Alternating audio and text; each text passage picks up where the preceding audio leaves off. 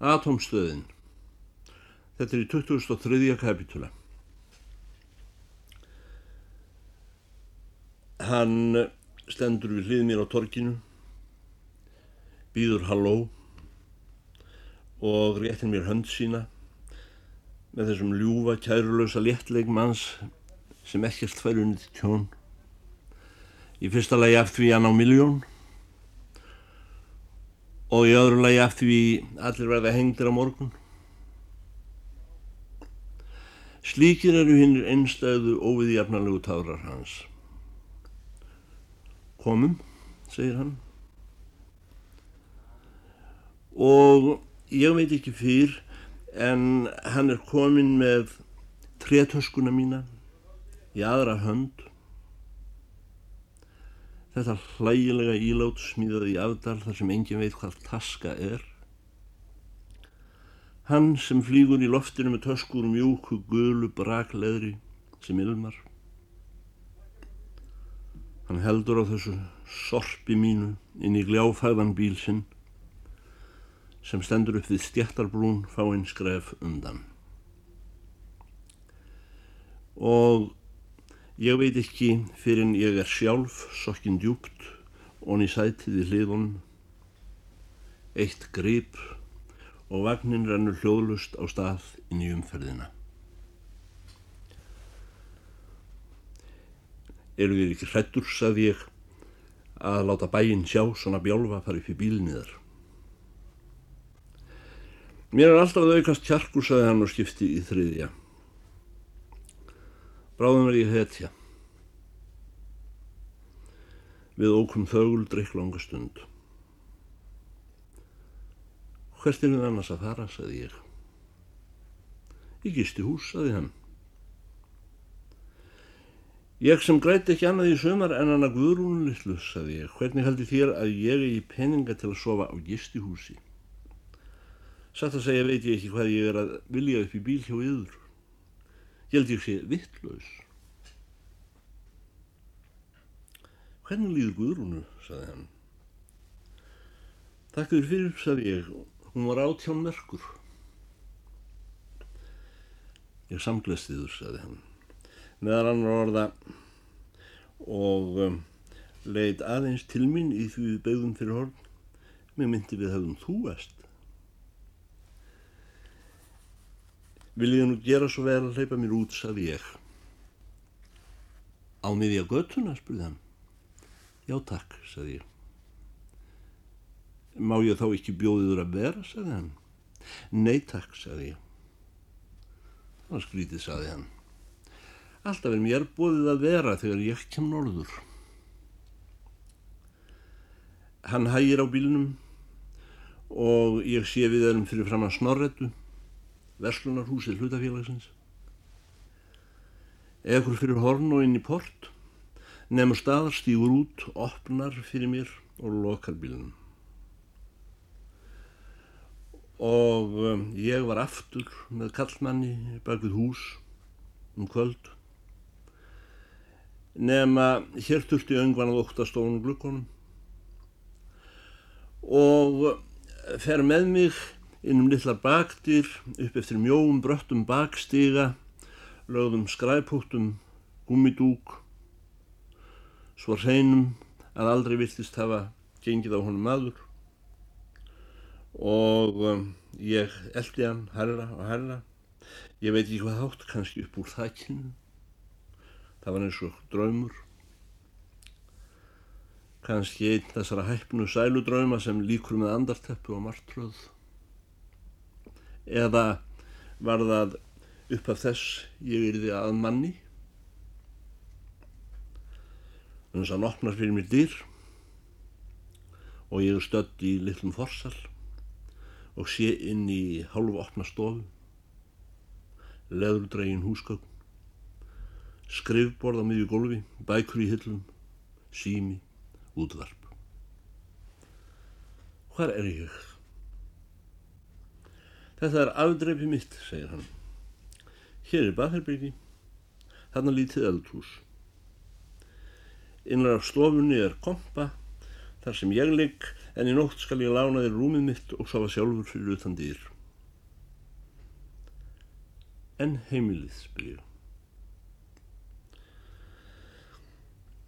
Hvar er í heimi hæli tryggt, saði hann og brosti ángurvært af þessu sálums upphafi.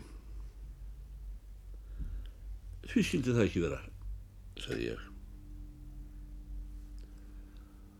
Frúin er í Kaliforníu, saði hann. Og aldinblóð, saði ég. Ég senda hann á klusturskóla í Sviss og daggíslinn ennar Jónu. Að þessi amerísk smálenski kvenlausnari var tekin upp á að lemja engilin minn með barefli nótt og dag fyrir að segja helvíti. Svo ég rak kjellinguna, kom börnunum fyrir og lokaði. Síðan hefur húsið verið aftur. Baðið var lagt innan bleikri hellu og hveravatnið ángaði kérinu Einn vekkurinn var speil úr lofti í golf og ég horfi agndofa á þannan stóra sterka kvennmann sem stóð þarna með mjölk í brjóstum og hveið fyrir að fara aftur í fötinu mín og verða fátæk stúlka á norðan. Gerði mér allt til dundurs. Seinast var ekki eftir nema kannski ég það sápuna og þá gekk ég fram. Hann satt í stóli og lasi bók og eh, hefði steikt höm og egg og borð á borð. Tevatnið sögð á glerkalli í rammagstræði við hlýðunum. Hann benti mér að setjast í hægindi á móti sér hinnum yfir borðið og fór að búa til tegið. Og ég starði í leiðslu á þannan mann æfintýrið mannsmynd, mannin sem átti heiminn, ekki aðeins allan þann auð sem óskir ná til innan skinsamleira takmarka, njótur alls valds sem fæst í litlu landi. Og hverjum munur á litlu landi og stóru nema hlutföllin? Heldur að áreiðanlega gætu sál, öngu síður en þeir hestar sem eitt sinn höfðu vitrast honum í guðlegri sín. Hraustur, vitur, fríður, karlmannlegur, á tindi mandómsárana, hvert orð hans skáldskapur, hver hugsun hans gaman, hver reyfing hans leikur. Í rauninni er slíkur maður og afar öllu á jörð, fyrirburður í loftinu. Hvernig eiga hugssjónir jarðbundins fátaklings að vera annað en smekklaus fyndni og leiðinlega rella í augum hans og eirum. Er nokkuð til hlægilegan peningalög stelpa norðan úr landi sem segist alltaf verða manni, saði ég. Allt sem þú byður um skalt fá, saði hann. Ég hefði enn ekki mikla matalist en drakk teið sem hann bjóð til og fannst það gott. Vel á minnst saði ég, hvaðan eru þessi orð? Ég skrifaði þau þegar ég vissi sannleikan, saði hann. Sannleikan, saði ég. Já, er ekki ofur hlægir, saði hann. Þú heldur, ég sé orðin guðfræðingur eins og Jóna á farin að hoppa. Velst hver sannleikurinn er, sagði ég. Alveg rétt, sagði hann. Trúhetjan segir, sannleikurinn minn gerur frjálsa og, og þá er kannski allur sannleikurinn sá að Jón Smyrill í brauðhúsum hafi fæðst í heiminn. Sem raunar er ósanna mál, sagt fræðilega. Eða sá fúli Mahomet sem að vísu er sannað. En ég og ekki það mannsteinu sinni fyrra ég fór með einstænskenninguna við þig en ég hef ekki heldur við hana þó hún sé sönnuð með útreikningi ekki einu sinni þann einfalda, ógleimanlega og ósveikjanlega sannleik barnaskólans að vatn sé hátver og. Ég sagðist fara að verða forvitin. Ég á við sannleik sjálfsmín, saði hann og horfi á mig glerurnarlaust, míns eðlis. Þannig sannleik hef ég fundið og ef ég lifa honum ekki er lífið mitt hálft. Með öðrum orðum ekkert líf. Ég spurði, hver er sannleikur þinn? Þú, saði hann, þú ert sannleikur minn, sannleikur míns lífs. Þess vegna býði ég þér allt sem karlmaður býður konu. Þetta átti ég við þegar ég skrifaði þér á spjaldið. Mér er eigður sær, ég misti sjónina alveg gerðsamlega og dó. Sér ekki þessar dölur sem ég er í af kroknum, var það fyrsta sem ég sagði þegar ég byrjaði að hræðrast aftur. Nei, saði hann. Ég kann ekkert tungumál nema ég spók, saði ég. Jæja, saði hann. Og uh, spila á orgelharmoníum sem eitt fyrir sig er hlægilegt jafnvel þó maður spili vel. Og ekki komið lakk mér á nögl. Mér raukt á vörnum í hæsta lagi svo eitt súpa. Og þú vanur hvem fólki sem er eins og það hefði drukkið svart nöðsblóð og klórað hrátt mannakjött. Mm, já, einmitt þetta allt saman átti ég við, saði hann. Þess vegna brýt ég í blað. En þegar þú hefur sofið hjá mér einan nótt eða tvær, í hæsta leiði þrjár, þá vaknar það að blundi og horfir á mig hrettur og spyrð eins og í þjóðsugum. Hvaðan er slíkt flagð komið í mína sæng? Og læðist út frá mér fyrir dögun og kemur aldrei aftur. Hvað vilt ég gera, sagði hann, og ég skal gera það. Ég horfi á hann eins lengi og ég gat, síðan oninn hérna á mér, en svarað gæti ég ekki. Viltu ég afsali mér öllu, sagði hann, firmannu, kjördæminu, ofinbörum trúnaðarstöðum, flokki, lagsmönnum, vinn og verði aftur fátækun endamadur. Aldrei, aldrei geti ég þólað þú erði lítillækkaður um hásbreytt vegna mín, sagði ég. Endar ég vissum að þó þú verðir fátækur myndir þú halda áfram að vera það sem vaninn hefur gert þig. Sá sem þú ert. Og ég það sem ég er sveitakrækki, vinnustúlka alþýða. Ekkert nema þráin eftir að verða manni. Kunna eitthvað. Geta eitthvað sjálf. Láta ekki borga fyrir mig. Borga fyrir mig sjálf hvar ætti að vera til staður fyrir okkur bæði Nú hlýtur það að sjá að Patagónia er ekki sem slökust hugmynd, saði hann. Er til nokkur Patagónia, saði ég. Nú skal ég sína þér á kortinu, saði hann. Er það þá ekki eitthvað villimannalandið, saði ég. Má það ekki einu gilda, saði hann. Bráðum er allur heimurinn eitt villimannaland. Ég sem held, nú væri heimsmenningin að byrja, sagði ég. Ég held að verðum að byrja að verða menn. Mm, Tilraun vilist það að ferða út um þúður, sagði hann. Öngum dettur lengur í huga hægt því að bjarga kapitalisman, aukinn heldur endur, að hann. Jafnvel ekki með ómaga styrk frá Amriku. Villimennskan er fyrir dýrum er kommunismin villimennskan, sagði ég. Það voru ekki mín orð, sagði hann. Aftur á móti mun kapitalismin draga heimsmenninguna í djúpið með sér í fallinu.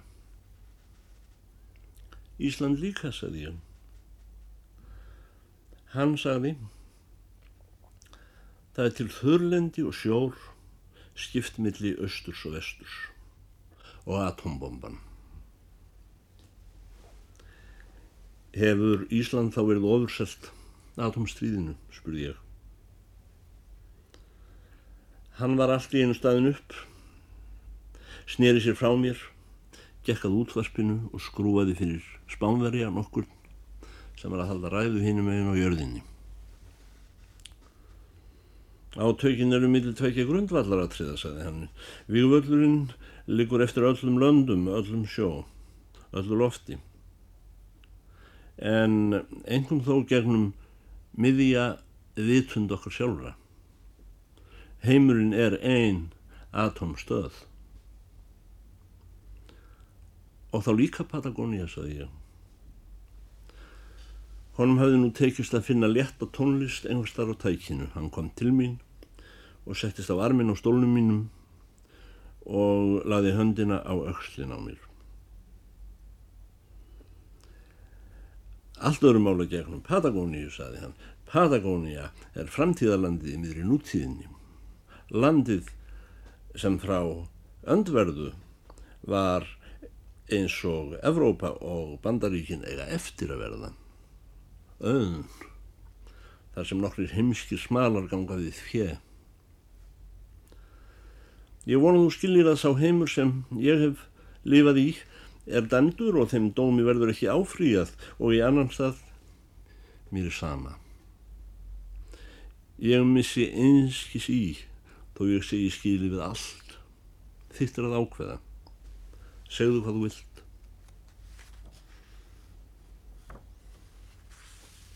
24. kamli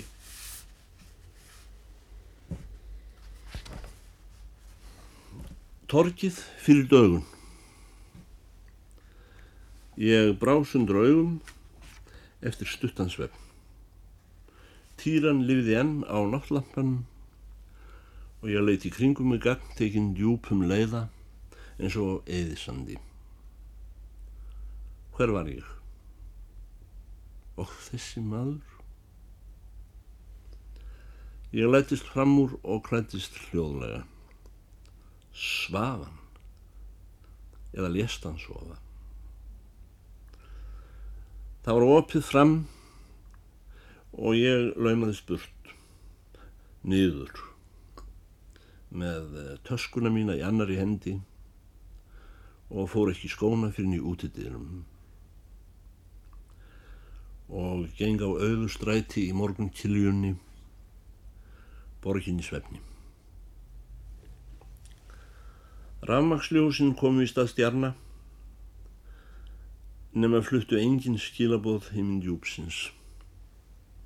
Þessi veröld var án dýptar og ég einn, svo einn að jafnvel svo önnur persóna sjálfsins sem vekur blíð og yðrun var horfin mér. Ég var sljó og allt flatt. Maður án umhverfis eða réttar að sagt kona án tilveru. Ég stand aftur á torginu þar sem ég stóð í gerðkvöldi. Þannig byrtist upphafs þemað aftur í endi tónverks nema í annari tóntegund, ólíkum takti við óskildar akkorður og öfugt að innihaldi. Í rauninni kannast ég ekki við neitt framar nema tretuskuna mína. Torgið sem í gæður var krökt af fólki í önn, gníjandi af þúsundum mjölrætna hestafla, nú er það aukt og kýrt. Ég sest á bekk á miðju torkinu. Þreytt. Hvað er að? Ekkert. Hefur nokkuð gerst? Nei, það hefur ekkert gerst. Þannig teki ég þátt í löngu og sennilega mikilsverðu samtali, kannski við óholdgaða rött, kannski eina af þeim personum sjálfsins eða guðdómsins sem lengst hefur verið tínd eða hef aldrei verið til, uns mér verður litið upp og sé hvar maður stendur hlýðhald við mig, að skoða mig.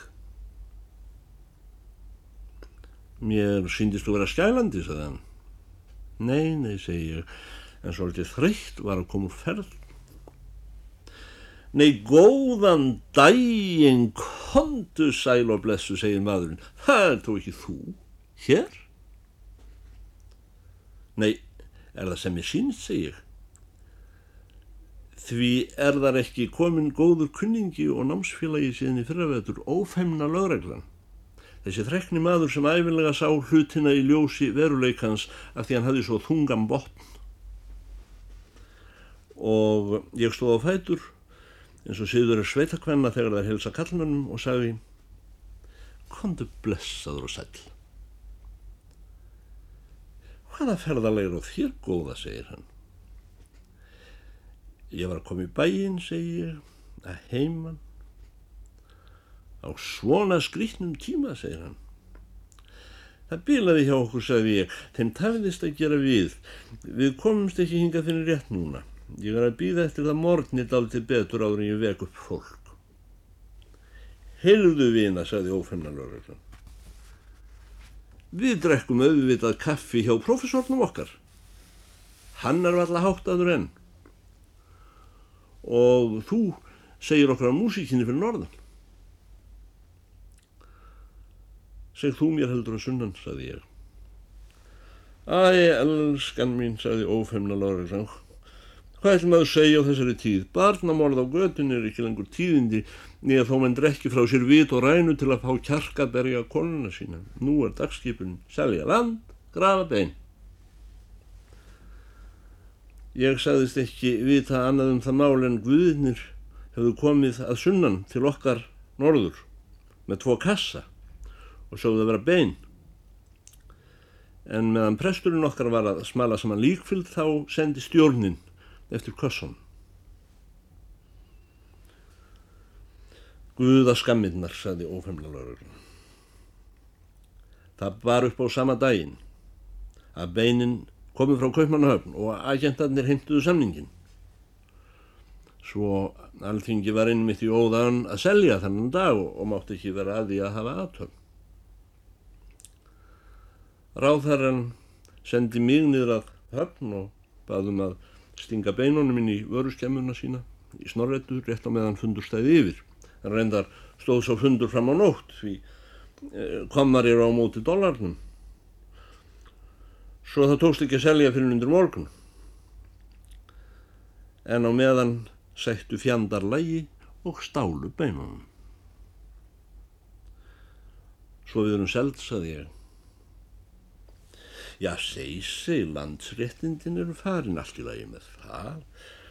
Reykjanes á að vera sérstakur hvildarstaður fyrir góðgerðarleiðangra sem fara vestrum og austrum. Og hverjir svo því á, spurði ég. Þú ert valla það barn að þurfa að spyrja því, saði hann, auðvitað sögðu föðurlands húrararnir, já. Þeir sem sóru við móður sína, spurði ég. Dettur þér í huga nokkrir aðrir vil ég selja landið okkar, saði hann. Og fólkið, spurði ég. Auðvitað skipuðu þeir okkur í lögreglunni að hafa til táragasið og annað selgæti handa fólkinu. En fólkið gerði ekki neitt, fólkið, það er börn.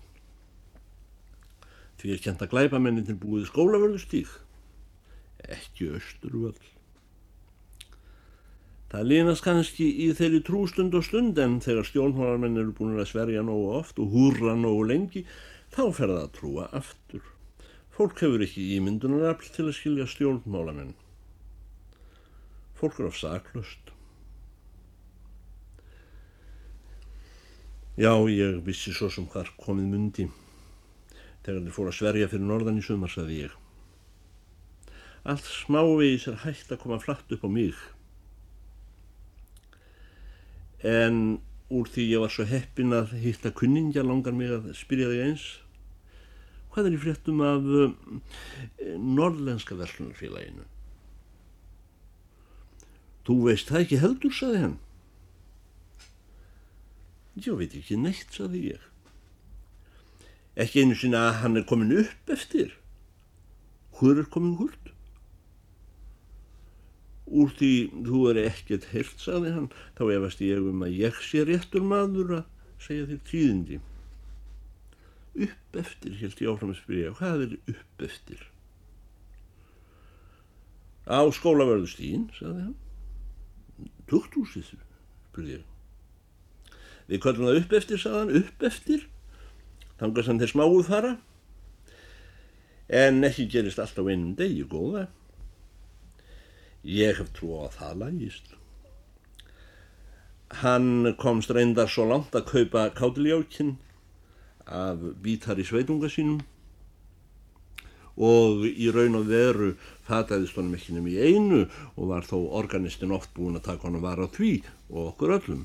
Ef þú ætlar að drýja glæp, þá verður þú fyrst að ná þér í miljónung, annars er þú hlægileg persóna og átt heima upp frá á skólafölustíknum og félagið, spurði ég. Félagið, það var aldrei til og ekki neinn vara heldur. Hann fullirti raunar aldrei að varan veri til, hann sagði bara varan kemur bráðum og síðan seldan og seldi allt sem heiti hefur og tók við borgun. Og þegar hann stóð loksins með peninga í höndum og ætlaði að fara að kaupa til landsins vöru handa viðskiptvinnum sínum, þá satt snorrella fyrir gjaldeyri. Og ríkistjórnin sem er eina veiknum snorretu hafði tekið þá ákvörðun að ungir litlir grósýrar uh, skild skortnir. Ég skil ekki hvað ég er skrítin í fótónum, saði ég, og tók undir handleikonum. Sætt að segja var mér í senn flökurt og hafði eldglæringar fyrir augum, eins og ég ætlaði að fá aðsvif og baða hann staðnæmast, rétt andartak og greip með lausu hendinni fyrir augun til að strúka þannan ófagnuð burt. Ég hefði ekki átt að vera að fleibra þetta, sagði hann. Það gerir ekki til, sagði ég, en ég er uh, þreytt eftir ferðina en þá. Síðan leitumst við yfir strætið og bak við húsin að húsinu og ég náði mér það mikið að geta sagt æ, úr því við erum selt fólk í seldu landi má þá ekki einu gilda um flest? Nú skulum við vita hvernig liggur á organistanum okkar, saði ófemna lögreglan